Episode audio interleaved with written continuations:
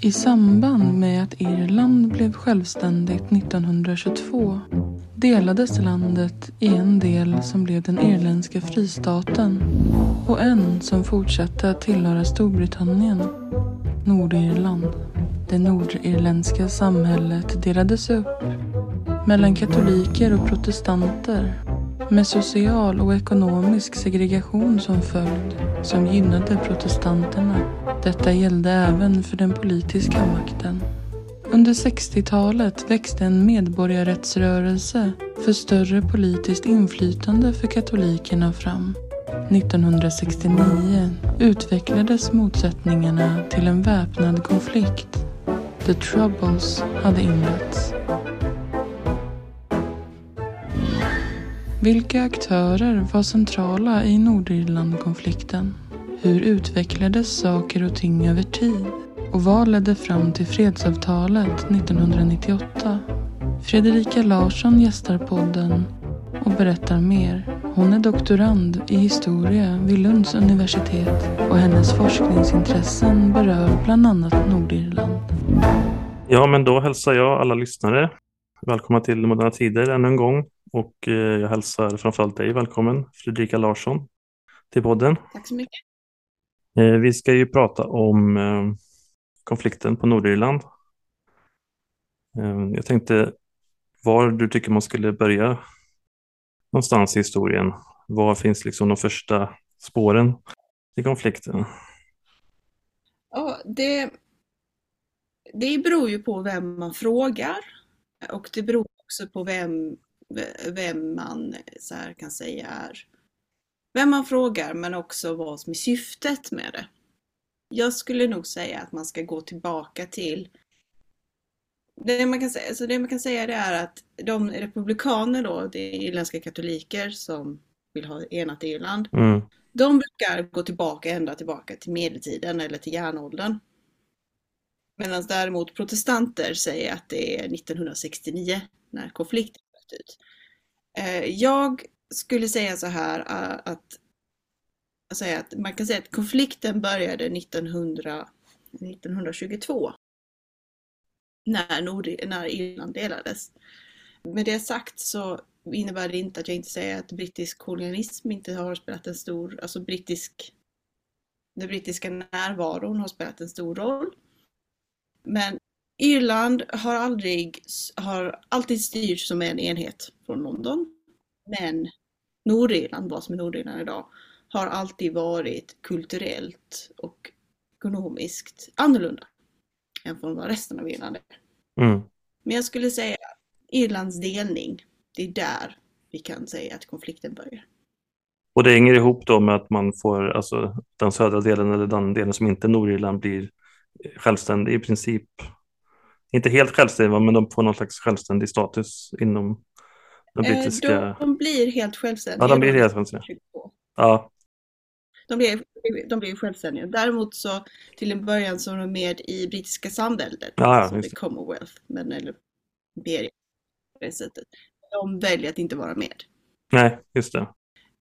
Skälet till att jag säger att konflikten började då, det är för att ganska så snart efter så skapade då unionisterna, som är då brittiska protestanter och medelklass, de skapade en, vad man kan säga, en protestantisk överhet. Vilket innebar att katoliker blev socioekonomiskt eh, och politiskt diskriminerade. Men, och det är också en av de här faktorerna som gör att konflikten sedermera utvecklas, har att göra med utvecklingen av brittiska välfärdssystemet. Och där de brittiska katolikerna fick tillgång till utbildning och därefter så skapades en, en elit som kunde argumentera för att de var förtryckta och kunde säga att de hade krävde politiska rättigheter. British rights for British citizens var deras slagord. Och de var då, de skapade ungefär 1968-1969 en medborgarrättsrörelse. Inspirerat av medborgarrättsrörelsen i USA. Mm. Men till skillnad då från USA så fanns det lite andra aspekter som var under ytan, alltså de här motsättningarna mellan identiteterna. Och medborgarrättsrörelsen kan man väl säga utlöste hela konflikten. Mm. Men om man går tillbaka till 1922 då, vad, vad, är det som händer då egentligen? Varför, varför blir det så att en del av Irland inte blir, alltså varför blir den kvar i Storbritannien så att säga? För att de ville det. Det är den korta svaret. Eh, men det var att eh, under ganska så lång tid så fanns det, eh, innan då Irland blev självständigt, under 1800-talet och tidigt 1900-tal så fanns det home rule-rörelser. Som var att man skulle skapa parlament i bland annat Dublin och i Belfast. Där man skulle kunna skapa sin egen, alltså man, det var då, man såg det som första steget till att bli självständiga. Och till en början så var ju de flesta de irländska självständighetsivrarna var protestanter. Men detta förändrades under 1800-talet för under den keltiska revival, eller keltisk återuppståndelse kan man säga. Där katolska kyrkan var en plats där man kunde uttrycka sin keltiska identitet. Vilket då sedermera ledde till att protestanter inte kunde vara irländare eller kelter. Och under den här konflikten då, att man då skulle skapa home rule, så var protestanter ville tillhöra Storbritannien och protesterade mot detta. Mm. Sen kom första världskriget. Och första världskriget är ju sammanbundet med konflikter på Nordirland för att det är samtidigt också då påskupproret sker 1916. Och det är då Irlands eh, moderna självständighetsrörelse startar. Och mellan 1916 till 1919 kan man säga att det är Irlands självständighetskrig. Eh, och det, man, det, det, här avslutades med att man skrev under ett avtal, ett treaty, så fredsavtal, där man lovade att man skulle få, de som tillhör Nordirland idag skulle få lov att rösta vad de skulle vilja tillhöra. Och det här är då varför, ett av skälen till varför man använder det här, det är för att då Sinn Fein, eh, Republikanerna, Eh, hävdar att det här är, avtalet är olagligt, alltså Nordirland är olagligt för att majoriteten på Irland ville att Irland skulle vara en enhet. Men majoriteten på Nordirland ville tillhöra Storbritannien. Mm. Och ett av resultaten av att man skrev under det här fredsavtalet, det var 1919 eh, till 1922, 21, så var irländska, irländska inbördeskriget som var mellan treaty och anti-treaty i Treaty var de som, är de som sedermera har blivit och drivande i den nordirländska konflikten på den katolska sidan. Och de som var Treaty är numera, kan man säga, är irländska staten en arvtagare till. Men eh, att just den här delen blir liksom avskild så att säga från resten av Irland hänger ihop med liksom, den demografiska situationen, att det borde liksom proportionerligt mer protestanter i den delen än i resten av Irland. För det bor ju rätt mycket katoliker även i Nordirland uppenbarligen. Då också. Ja, eh, men nord, katoliker får fler barn. Och det är även så att eh, Nordirland, kan säga, gränserna drog så att man skulle så här, se till så att det skulle vara en protestantisk majoritet under väldigt lång tid. Mm. Eh, när Nordirland bildades. Men det har alltid varit en majoritet av protestanter i det här området. Alltså området kring Belfast och det som är Nordirland idag har alltid varit mer urbant, industrialiserat och då protestantiskt.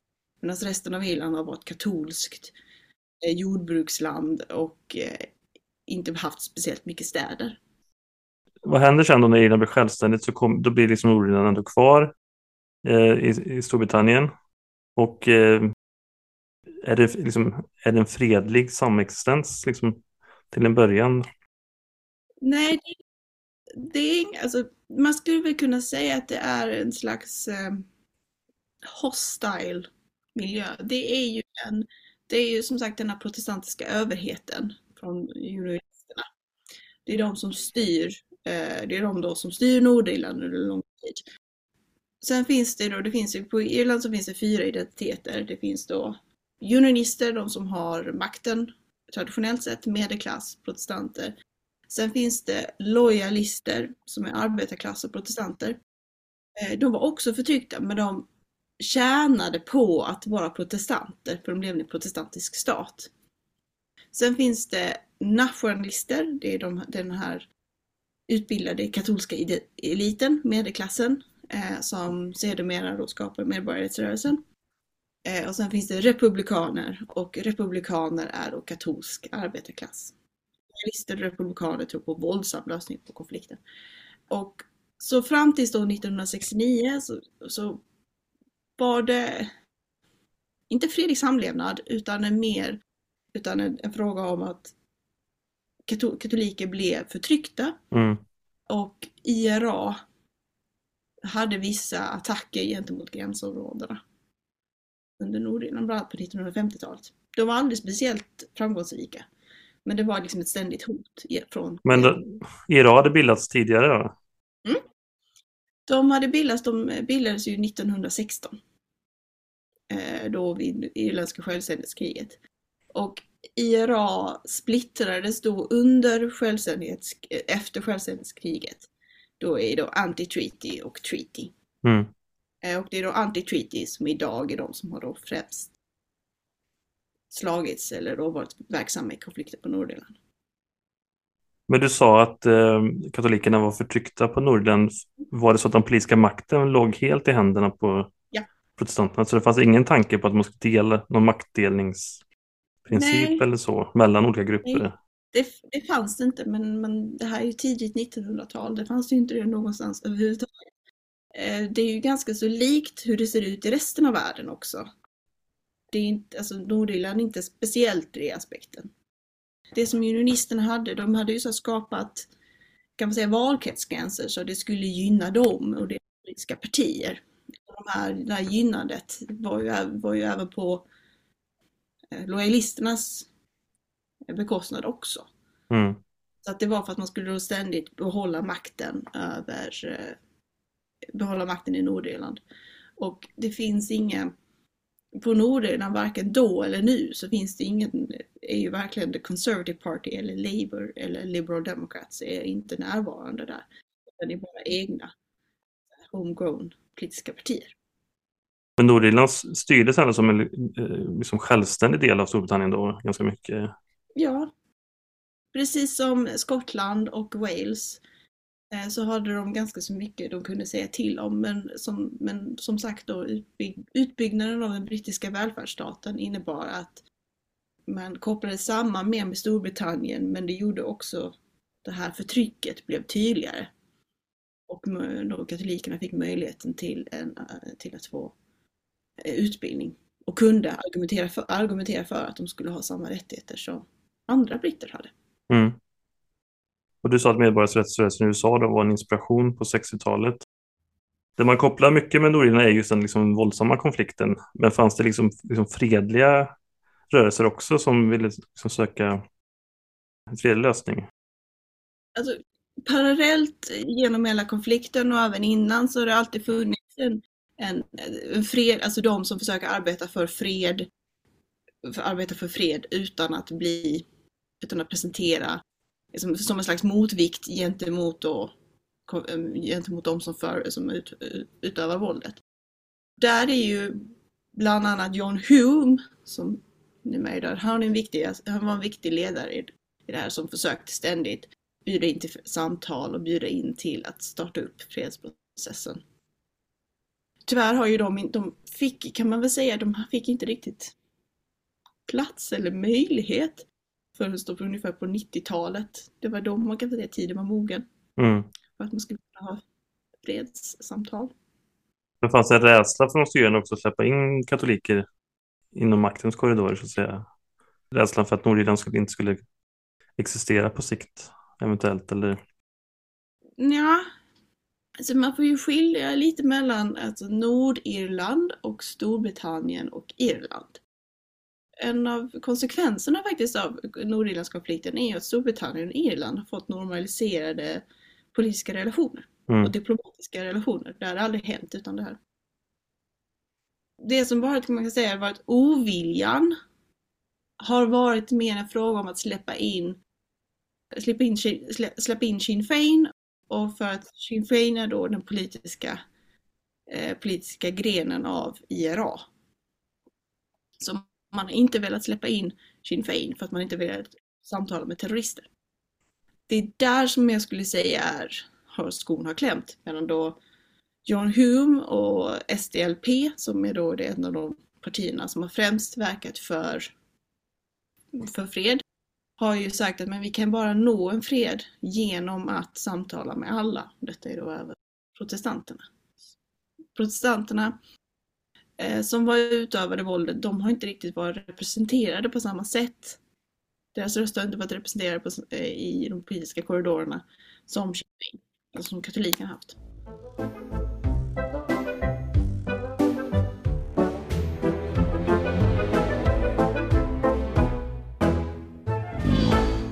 Men vad är det som leder fram till, eh, om man då går in mer på det, det som kallas the troubles, där det blir liksom betydligt mer en mer våldsam konflikt får man väl säga intensivt.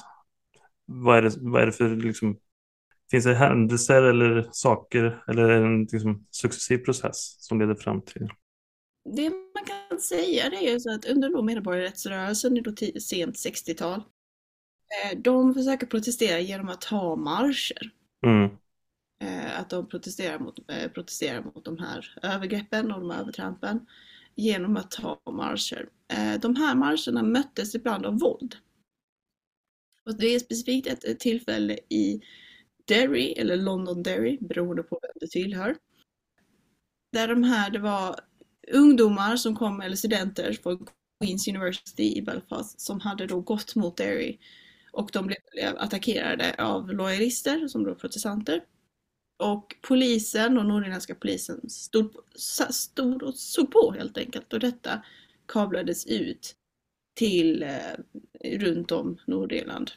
Och detta innebar att den dåvarande, den dåvarande eh, så här, First Minister som man säger på säger i Nordirland, eh, Terence O'Neill som hade verkligen försökt att överbygga de här spänningarna han förlorade, han förlorade nästa val. För man kunde inte riktigt se att den nordirländska staten skyddade den katolska, de katolska medlemmarna.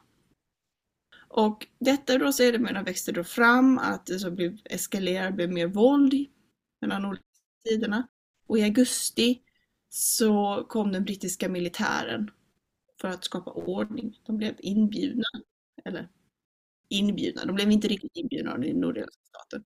Och till en början så var de välkomna. Hur välkomna de var, det är någonting som diskuteras ganska så rejält i litteraturen. Men det man kan säga det är att katolikerna såg inte brittiska, brittiska armén som tillhörande nordirländska staten. Alltså man såg det som någonting annorlunda, än någon som var där för dem. Den här bilden ändrades eh, vid eh, Bloody Sunday 1971. Och 1970 eller 1971 ändrades då. Vilket innebar att den brittiska staten då, eller den brittiska militären förlorade allt eh, förtroende. Eller de brittiska, alltså katolska minoriteten förlorar allt förtroende.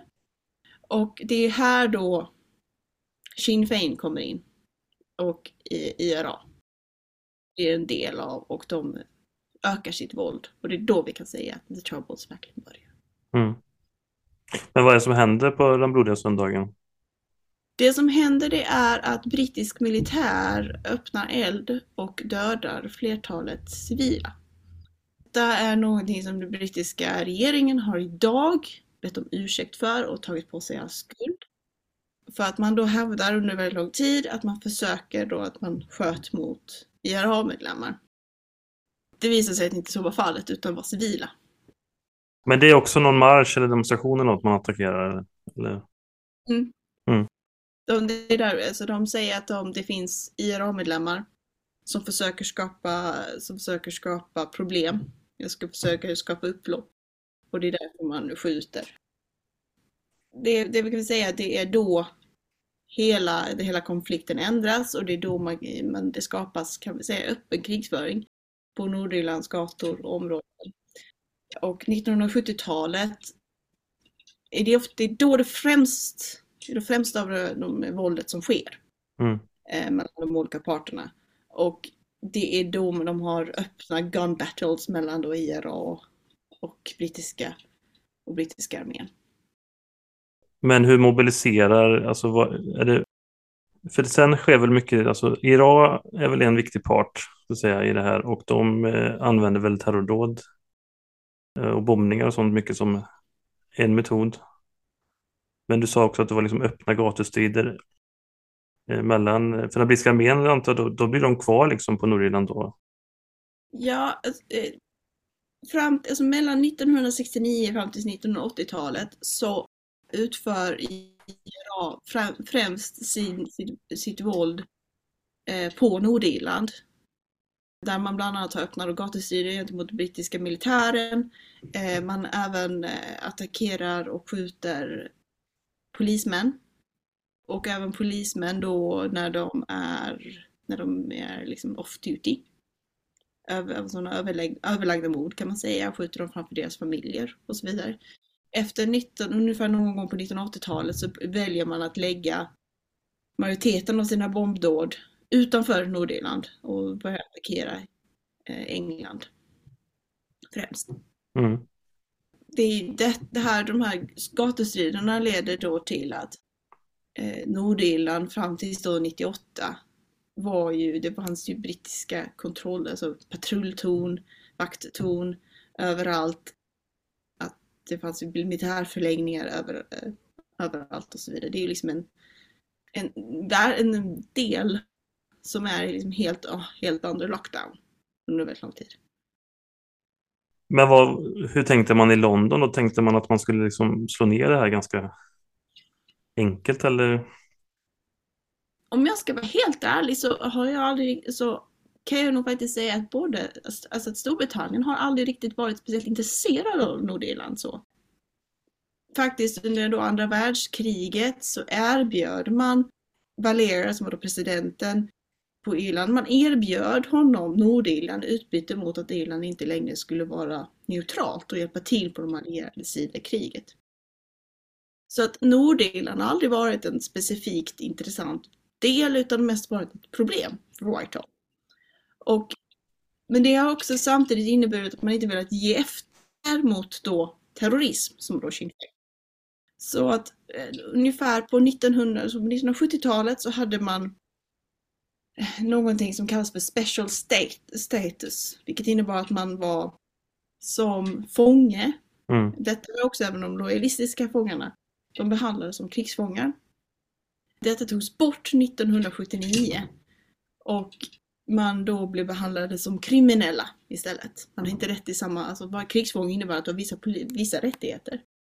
Det togs då bort av Margaret Thatcher. Det är också då hon sa att Nordirland är lika brittiskt som Finchley att hon verkligen tyckte och tänkte det, det, det, det tror jag faktiskt inte riktigt på. Eh, och det är då vi kan säga att då 1979 att man sätter hårt mot hårt. Men det gör man mest i förhållande till att man vill behålla sin politik. Sinn Fein, den här lilla, lilla terroristgruppen, ska inte få lov att bestämma hur Storbritannien för sin politik. Nej, så att egentligen är Nordirland en intern affär. Så Nordirland kan egentligen bestämma sin egen status. Så att hade, liksom, hade Nordirland velat vara Irland så hade Storbritannien liksom gått med på det. Antagligen. Ja, det hade de nog. Ja och, alltså, ja och nej. Nu finns det väldigt många människor som inte vill tillhöra Irland på Nordirland. Och, men samtidigt så tror jag också att Irland inte vill ha Nordirland heller. För Nordirland är väldigt, väldigt fattigt och har alltid varit det i förhållande till allting annat. Så att det är väldigt mycket problem som att ta på sig. Så för Storbritanniens, från Storbritanniens sida så är det en, det är ju en intern affär. Mm. Eh, men under konfliktens gång så har man allt mer börjat acceptera att Irland har rätt till att ta del av hur Nordirland styrs. Men jag tänkte på, det mobiliserar också ett unionistiskt försvar då, liksom mot Irak också under den här tiden. Hur ser det ut? Liksom? Är det är det också någon slags paramilitära trupper? Liksom? Eller typ funkar det? Ja. Parallellt då med IRAs utveckling, det är ju att man, lojalister tar till vapen, inte lojalister. Det är viktigt att ha den här åtskillnaden för att lojalister anser sig idag att de har blivit applåderade eh, bakom stängda dörrar men hånade publikt på grund av deras våld. Vi kan också då gå, om vi går tillbaka då till 1912 så var det när de hade de här protesterna mot Home Rule så var lojalisterna viktiga delar i de här eh, protesterna men också att, också att skydda dem som skulle protestera mot Home Rule. Och de hade också en del i första världskriget, att de här som då skyddade protesterna mot Home Rule, de blev sedermera Ulster, Ulster Division. Så de ser sig själva som att de har kontinuerligt offrat sig för Storbritannien och därför första världskriget är en viktig del av deras föreställningar om, eh, om Nordirland. Under, då, när, under uppbyggnaden av medborgarrättsrörelsen så började lojalisterna känna sig hotade, men även då från IRAs attacker, och började att eh, beväpna sig. Så när, alltså när IRA började att eh, bekämpa brittiska armén så gick då de lojalistiska paramilitära grupperna, de gick in på brittiska arméns sida. Mm. De har aldrig utåt sett, officiellt sett, så har de aldrig sett som en allierade av brittiska armén eller brittiska militären eller av nordirländska polisen. Men det har funnits ganska mycket samarbete mellan dem. Så att, och de har då främst attackerat irländska, alltså irländska civila i sina våldsdåd. De har inte haft samma, eh, de har inte använt sig av samma bombattacker som exempelvis IRA har gjort eller någonting sådant. Så det var liksom inga direkta strider mellan dem och IRA, utan det var mer att man... Så Nordirland är väldigt segregerat. Och det är så segregerat på det sättet att det är väldigt svårt att ta sig från en sida till en annan. Och även om du skulle vara medlem i IRA eller någon av de här paramilitära grupperna så vill du inte riktigt det heller. Så att det var väldigt sällan aktiva strider mellan dem. Mm. Det I sådana fall så har det varit en bombdåd eller att man har gått in och skjutit dem och sen snabbt gett sig därifrån. Man stannar inte riktigt kvar för att ta de här gatustriderna. Nej. Men hur ser utvecklingen ut sen då framåt 80-talet? För det här är ju en konflikt som verkar gå lite, den är lite, den går upp och ner och så brinner det till lite ibland och på något sätt. Ja, det, det är så kan man säga. Alltså 1980-talet, om vi, det, beror, det beror på vem, vilken sida vi kollar på. På 1980-talet så är det då den, om vi kollar på Republikanernas sida, så är det då 1980 och 1981 så har man de här stora hungerstrejkerna.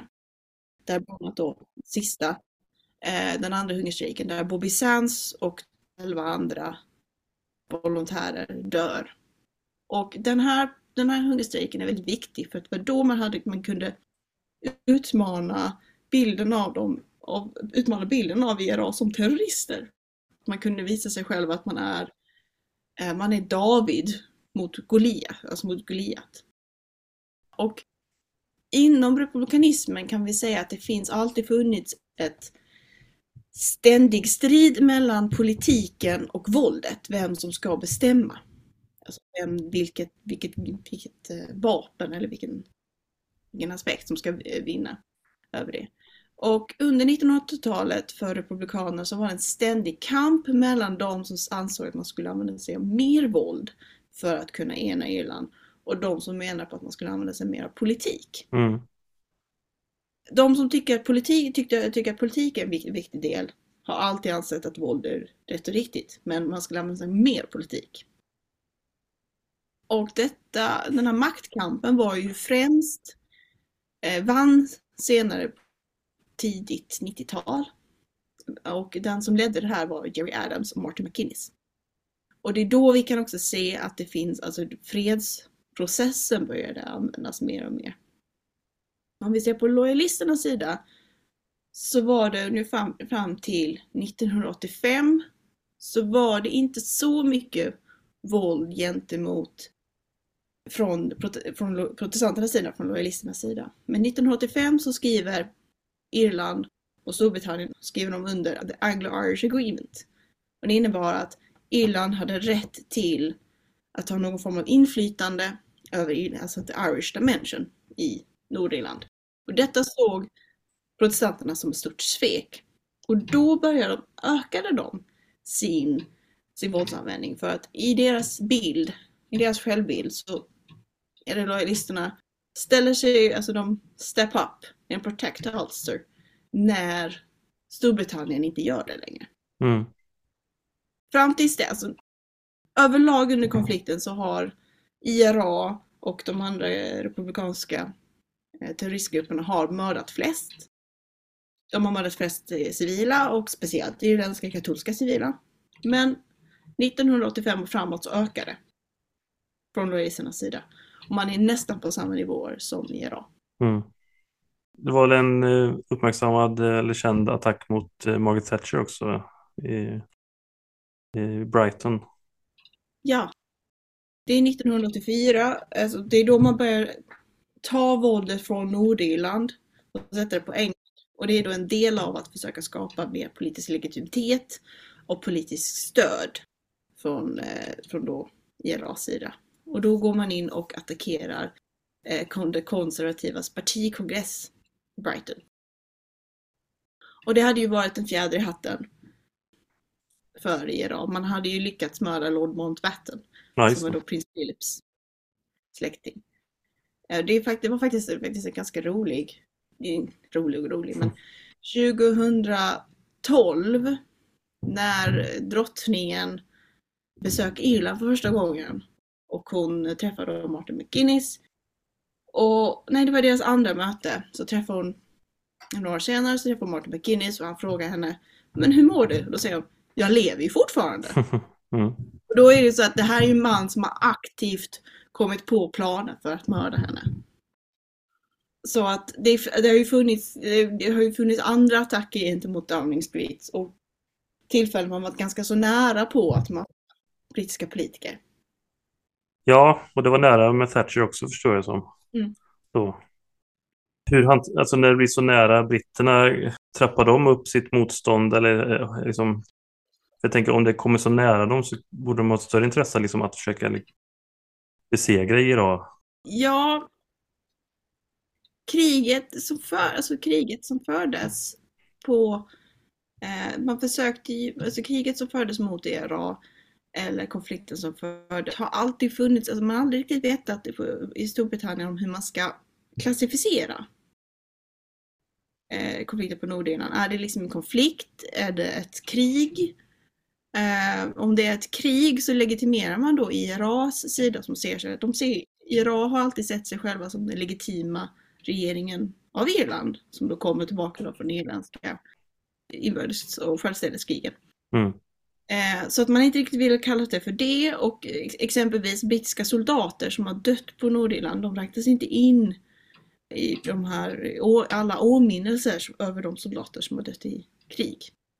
Så att Å ena sidan så har man försökt, liksom, så man försökt lägga in nya stötar för att vinna gentemot, eh, gentemot IRA. Men man har då också främst försökt hålla nere konflikten kan man väl säga, göra den hanterlig.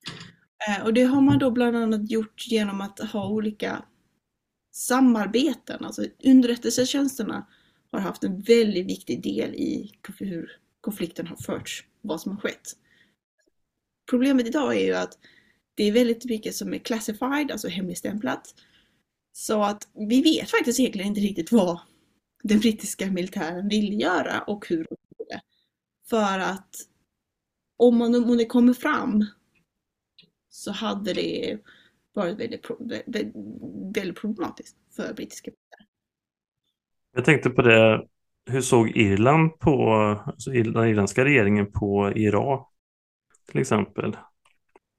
Ja, hur ska man säga? Det var ju på 1970-talet så var det ju en skandal där, där den irländska, irländska politiker blev anklagade för att de hade smugglat vapen till Irak.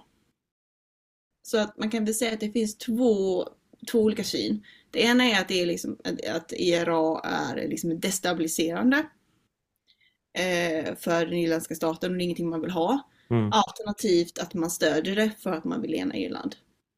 De som ser det som destabiliserande, det är de som är, det, det är majoriteten. Men de som har då stött IRA är, är en minoritet. Men de har ju mest varit på de lägre nivåerna eller på de högre nivåerna.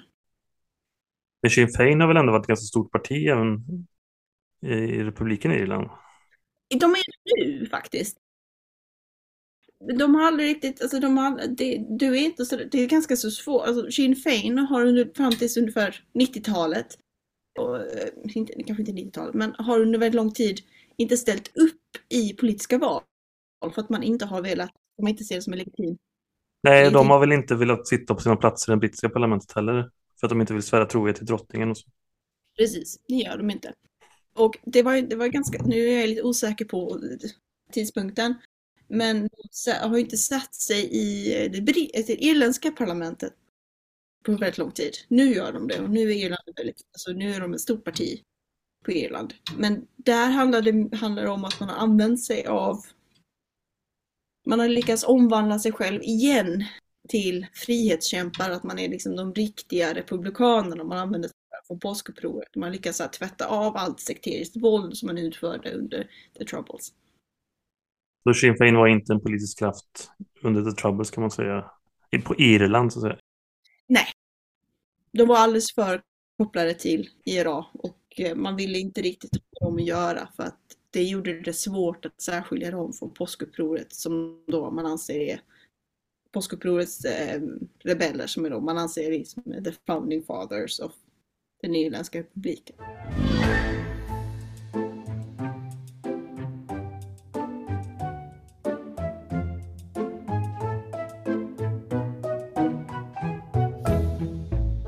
Men vad är det som gör att eh, det ändå börjar leda mot den fred som kommer så småningom? Det som leder till det är, leder till det är att man kan säga att det första framgångsrika freds, alltså eldupphör var 94. Men det som gjorde att det var, det var framgångsrikt var främst för att både britterna, britterna och även protestanterna hade accepterat att förhandla med republikanerna, som är Sinn Féin. Men för att det skulle bli, för att det då skulle verkligen gå vägen så var man tvungen till att visa att man kunde hålla, man kunde ha ett eldupphör. Och från då 94 till 98 så var det ett stort arbete, eh, främst från den brittiska regeringens sida, att man skulle försöka skapa en fred eller ett avtal som alla kunde hålla med om. Och där var just fångarna en väldigt viktig del, att fångarna var tvungna till att godkänna detta och Mo Molan, som var då brittisk, brittisk Nordirlandsminister, hon personligen gick och eh, mötte fångar, de mest high-ranking fångarna då från republikanerna och lojalisterna och frågade ut dem vad de ville och vad de inte ville. Mm. Och den respekten tyckte att man då kände att man fick gjorde att man kunde samarbeta mer. Långfredagsavtalet är i mångt och mycket samma avtal som gavs på 1970-talet som kallas för The Sunningdale Agreement. Skillnaden då, det var att man, skillnaden då från 1970-talet och 1998 det var att man hade å ena sidan, man kom fram till att man måste samarbeta. Man måste samarbeta och prata med alla. Men man hade också både Sinn Féin, eller IRA, och den brittiska militären hade insett att de aldrig riktigt kunde vinna gentemot varandra det skulle aldrig gå. De hade aldrig kunnat vinna en decisive. Så det hade bara varit en liksom, utnötningskonflikt som hade pågått med döda människor? Det hade bara varit en utnötningsfråga eh, och då hade nog inte IRA kunnat vinna tror jag. Men finns det några pers personer som är viktiga för att man liksom ändå går mot freden? Eh, den viktigaste personen skulle jag säga då, förutom Mo Molan som jag nämnde precis, det är John Hume. Som jag som nämnt tidigare. John Hume var då ledaren för SDLP, Social Democratic Party. Och var en av de som hade arbetat mest för att man skulle skapa en fred under lång tid.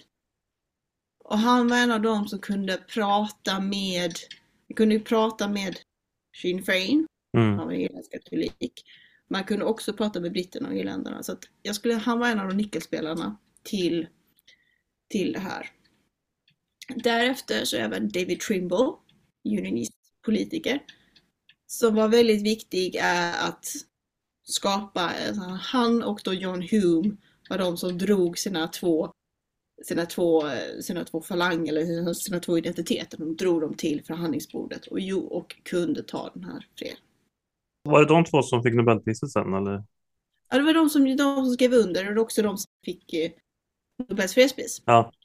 Men de som kanske sen också gjorde väldigt mycket för freden, som var väldigt mycket emot fredsavtalet, det är ju Ian Paisley Just det. och Martin McGuinness. Eh, Martin McGuinness och Ian Paisley, Martin McGuinness då ledare för, var ledare för IRA. Ian Paisley var ledare för Democratic Ulster Party. Och han var han kan säga att han för lojalisternas talan och var väldigt, väldigt emot fredsavtalet. Och i fredsavtal, Nordirländska fredsavtalet baseras på power sharing, alltså dela på makten. Och Ian Paisley blev första minister och Martin McGuinness blev andra första minister. Och de samarbetade väldigt väl ihop, Mm. trots detta. Och de två har ju kanske försökt arbeta mer med fredsprocessen på Nordirland. Men fredsprocessen på Nordirland är ju ganska är ju inte speciellt framgångsrik. De har precis som då 1922 till 1969 så är det väl liksom stalemate mellan dem. Och det är därför Brexit är ett så stort problem, för de har visat för omvärlden att det här inte är en fungerande samhälle, det är inte en fungerande fred. Men jag förstod att eh, USA också spelar en ganska stor roll eller, i, i fredsförhandlingarna. Ja, det gjorde de. Alltså, USA har alltid varit väldigt intresserade av Nordirland eh, och Bill Clinton var ju en del av detta. Men om vi ser i det stora hela så skulle jag nog säga att USA har främst varit ett problem i, den nordirländska frågan. De har inte gjort speciellt mycket för att faktiskt skapa fred. Så att det var inte, den, den är lite överskattad då, liksom den amerikanska presidentens roll. För att han blev ju ändå lite så här posterboy kände jag då när freden kom. Alltså, man pratade mycket om att Bill Clinton hade liksom hade ett liksom personligt engagemang och sådär i, i frågan. Det var samma sak med Biden som var där nu i, i samband med 25-årsdagen och hans, hans irländska påbrå och sådär. Men det är också det som är problemet med USA, det är att det finns väldigt många som är irländska amerikaner, men de är irländska amerikaner har faktiskt eldat på konflikten. Ja, jag tänkte det, för det finns ju väldigt stark koppling med Irland och USA. Ja, och det är därför de är, det är därför det, är därför det har främst, de har inte hjälpt till så mycket, utan de har ju främst eldat på den eh, republikanska idén om att man har eldat på deras idé om att och så vidare. De har inte riktigt varit helt och hållet arbetat för att skapa fred på det sättet. Så ja, Bill Clinton utåt sett presenteras som väldigt viktig. Men i det stora hela så är han, var, spelar han en ganska liten roll. Men det kanske ger tyngd åt själva avtalet om att man har presidenten med i, i själva bilden av det. Jag skulle nog mer säga att det ger mer, mer tyngd till Bill Clinton. Ja, okej. Okay, ja. Han var med där. Mm. Så. Eh, och jag tycker, alltså, visst han var där och det, det var ju bra att USA var där. Så, men det, fann, det fanns andra personer som var mycket, mycket, mycket, mycket mer eh, viktigare och mycket mer instrumentella i skapandet av freden. Och när vi fokuserar alldeles för mycket på amerikanska presidenter i jämförelse med människor som då Martin McKinnis och Ian Paisley, de verkligen avskydde varandra och där man kan säga att de har gjort saker och ting gentemot varandras grupper som jag hade aldrig kunnat tänka mig att sätta mig i samma rum som några av dem. Men det kunde de, de kunde samarbeta. Och sådana saker spelar mycket, mycket mer roll. Mm. Ja, intressant. Men jag tänkte på själva avtalet, eh, det här med den politiska, att man skulle dela på makten och sånt var en viktig del antar jag. Hur var det med exempel avväpning av de här paramilitära eh, grupperna och Irak och så vidare? Det, alltså avväpningen, det var ju en central del i eh, fredsavtalen att alla sidorna skulle avväpna sig. Det vi kan säga det är, säga är att men de har väl sagt officiellt att de har avväpnat sig. Eh, enligt efter, ungefär 2017 så gjorde de en ny gjorde de en ny eh, assessment efter av eh, MR5 gjorde en ny assessment av Nordirlands, Nordirlands paramilitära grupper. Och där kom man fram till att alla har fortfarande tillgång till vapen. Eh, och alla har möjlighet. Ingen, de, majoriteten av dem har inget intresse av att börja använda sig av våld igen. Men däremot så har de tillgång till vapen. Så att det, var en, det var en viktig del men som aldrig riktigt har infriats. Men det är inte heller någon som har vågat pusha dem på den här. För att man har inte riktigt velat bjuda tillbaka till våld. Det är lättare att låtsas som att det regnar.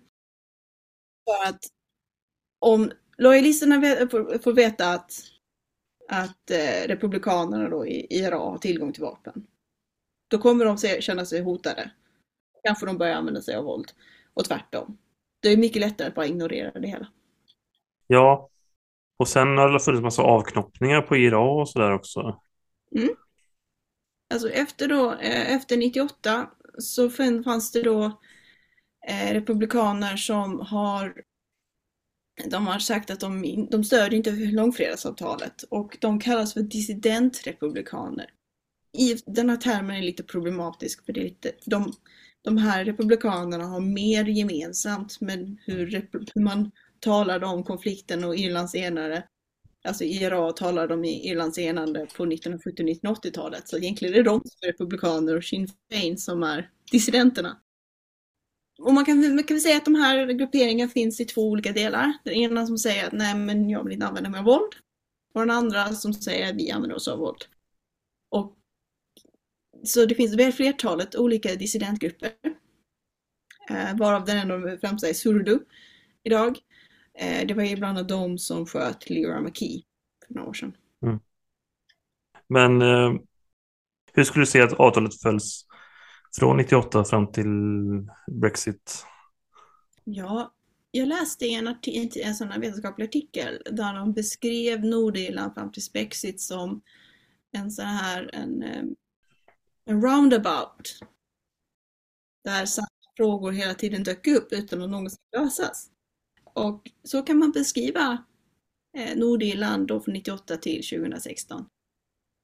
Alltså, ingenting, som, ingenting blir någonsin löst. Det är också flertalet gånger så, så är det politisk kaos. Där man lägger, där inte, power sharing inte fungerar och där det styrs direkt från London. För att man inte kan komma överens. Allt, Eh, alternativt man har liksom inte kan hitta liksom någon form av regeringsunderlag så har det varit nu efter 2017. Det har varit så i ganska långa perioder. Mm. Men, men det som det däremot har freden har varit det är att man har kunnat tänka sig att man lever på Irland fast man bor på Nordirland. En av eftergifterna som Irland gjorde till fredsavtalet var att man skrev om sin, sin konstitution att istället då för att tidigare stod det att man skulle verka för en återförening. Idag står det inte så längre och man säger också att vara irländare är inte att till, alltså bo på en viss specifik plats utan det är liksom mer en gemenskaphet. Eh, så det är ett flertal människor som har, eh, som har då sökt och fått irländskt medborgarskap och lever mångt och mycket på, mest på Irland och men lever på Nordirland. Och de som då är protestanter eller britter, de har kunnat leva precis som vanligt. Men de här två delarna, de här två identiteterna som jag tidigare då nämnt, är extremt segregerade.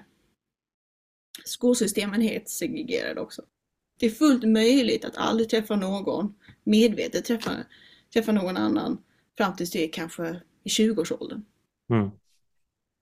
För att man har helt, alltså man lever olika liv, man har olika platser. När jag, eh, när jag gör mitt, när jag är på Nordirland så kan jag, kan jag tänka, så tänker jag alltid att jag vet alltid om vilket område jag går in på, om jag är i ett irländskt område eller om jag är på ett brittiskt område. För att det är helt olika, alltså det är helt olika symboler och affärer och så vidare runt, runt omkring mig.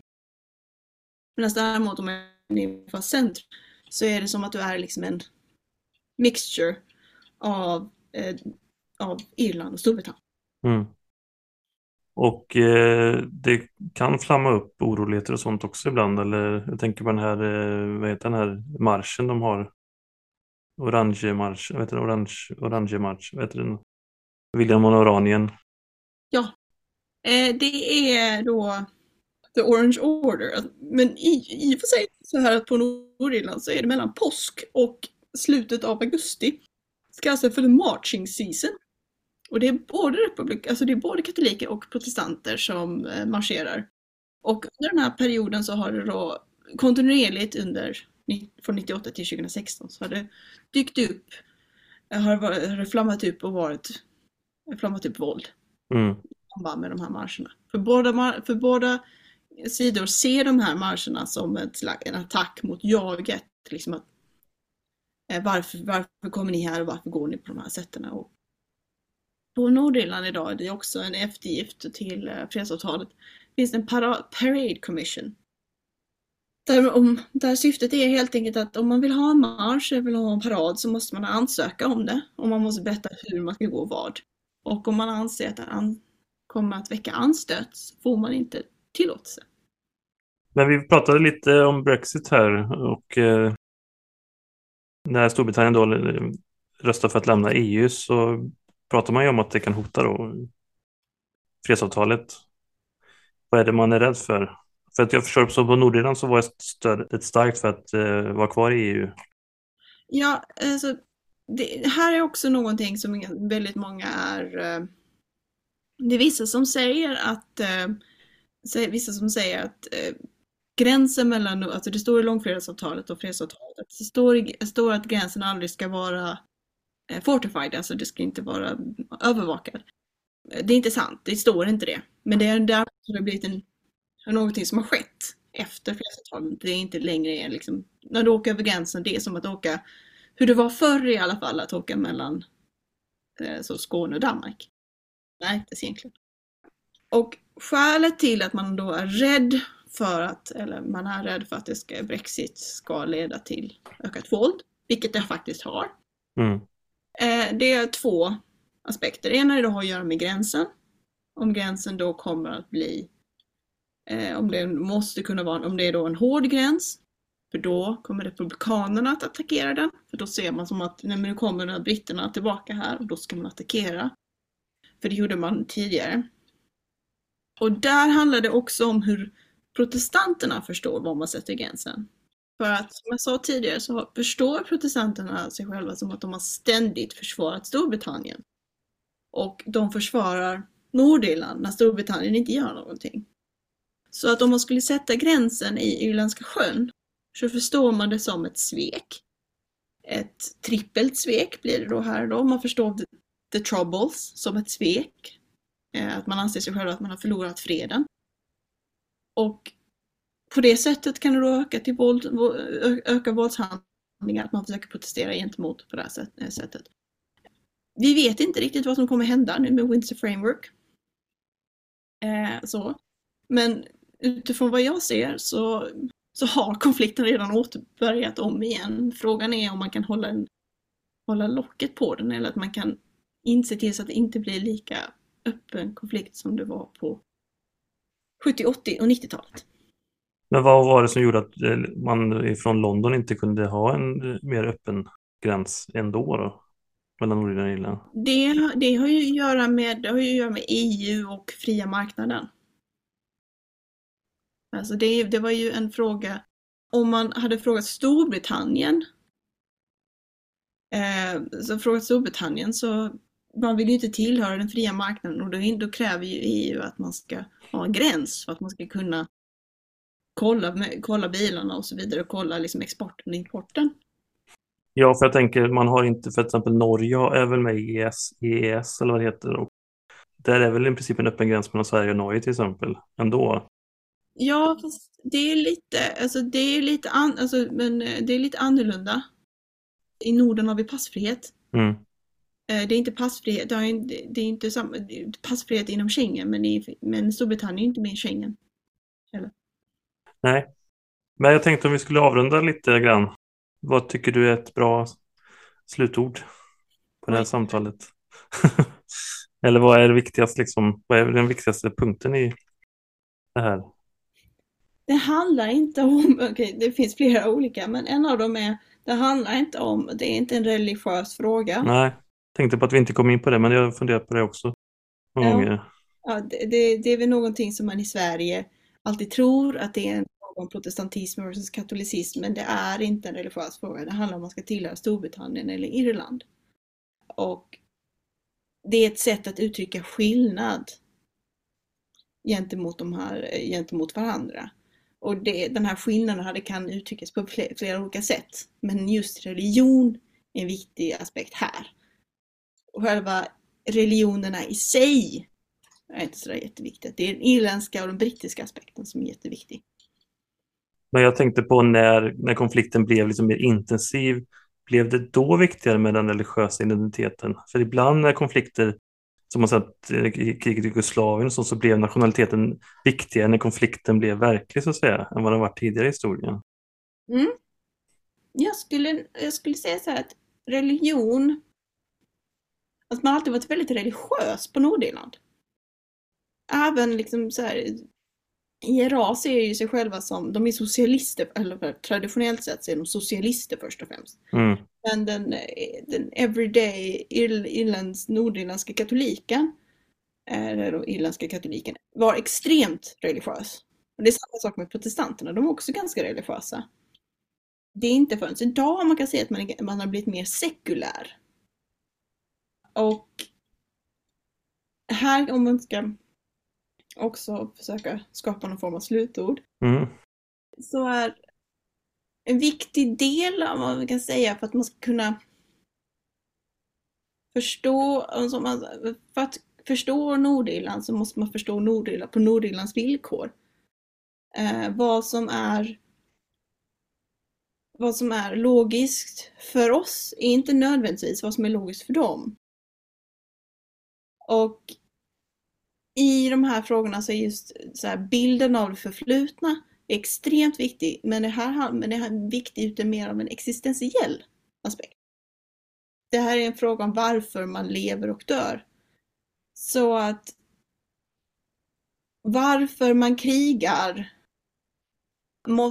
varför, så att man ska, aldrig, man ska inte avfärda varför de har slagits, alltså de har fört den här konflikten mot varandra som irrationellt eller dumt eller någonting sånt.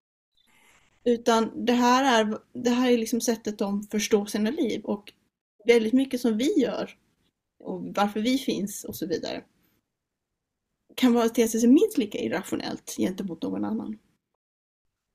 Så att för att förstå Nordirland så måste man förstå att man har de, det är människor som har väldigt olika uppfattningar om var de ska vara, hur var de ska tillhöra. Mm. Och för att man ska kunna lösa den här konflikten så måste man ha respekt för det och förstå det. Och det är bara då de lyssnar. Mm. Och när man lyssnar så kan man, så kan man prata med varandra. Mm. Ja, men det var bra slutord tycker jag. Då tackar jag dig Fredrika Larsson för medverkan. Tack så mycket. Du har hört ett avsnitt av Moderna Tider. Gäst var Fredrika Larsson. Programledare och klippning Stefan Hjalmarsson. Speaker Matilda Säv.